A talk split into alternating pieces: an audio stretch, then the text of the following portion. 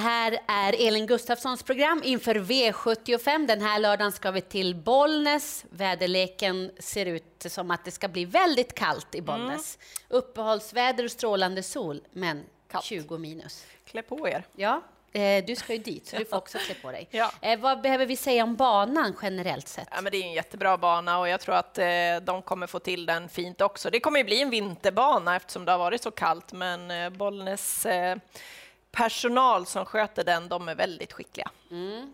Du har ett par intressanta hästar när du har pluggat på. Det här är Elins tidiga tankar då eh, inför V75 på lördag. Bästa spiken i V75 5, något av vinterns häst så här långt, Phoenix Foto. Ja, eh, vi har ju starka favoriter i den här omgången och en av dem är ju Phoenix Foto. Jag kommer gå rakt ut på honom.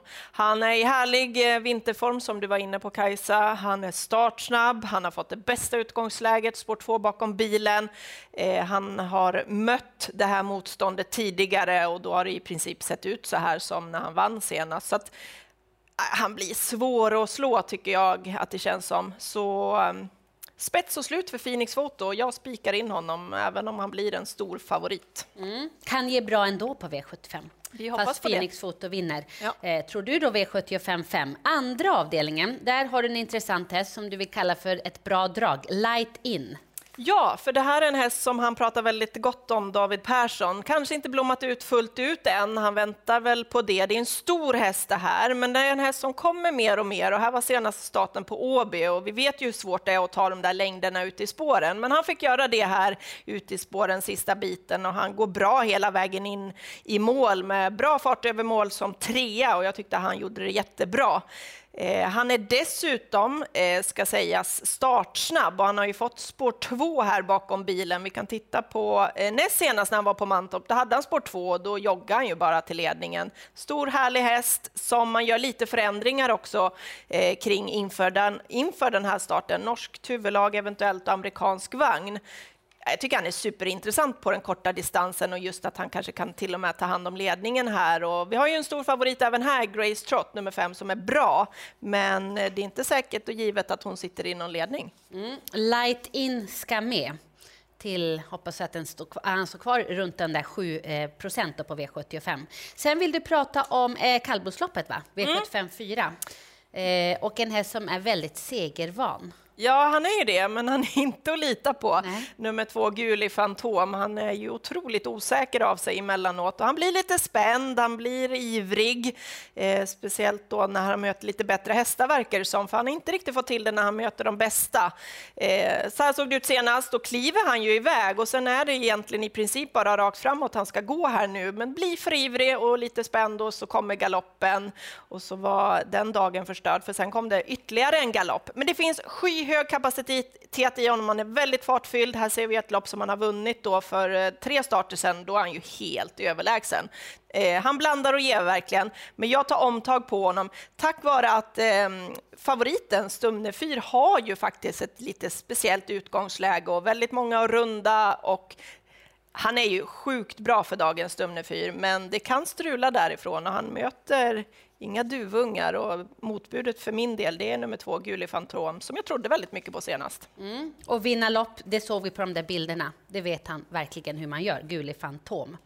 Eh, V75 3, hon hade ett riktigt vasst år som fyraåring i fjol. Kayla Westwood, över en miljon blev det då på kontot. Vart mycket bra som eh, två, tre och fyraåring. Mm. Nu är första starten som femåring. Precis, och eh, ja, hon har ju återigen fått ett lite besvärligt utgångsläge. Hon har haft många svåra utgångslägen. Senast hade hon lite bättre, det var inte ett fullt fält då heller, men hon gjorde det väldigt bra då bakom Decision Maker som vinner det här loppet och går i mål med full fart över mål. Hon fick nästan bromsa in här precis innan mål också.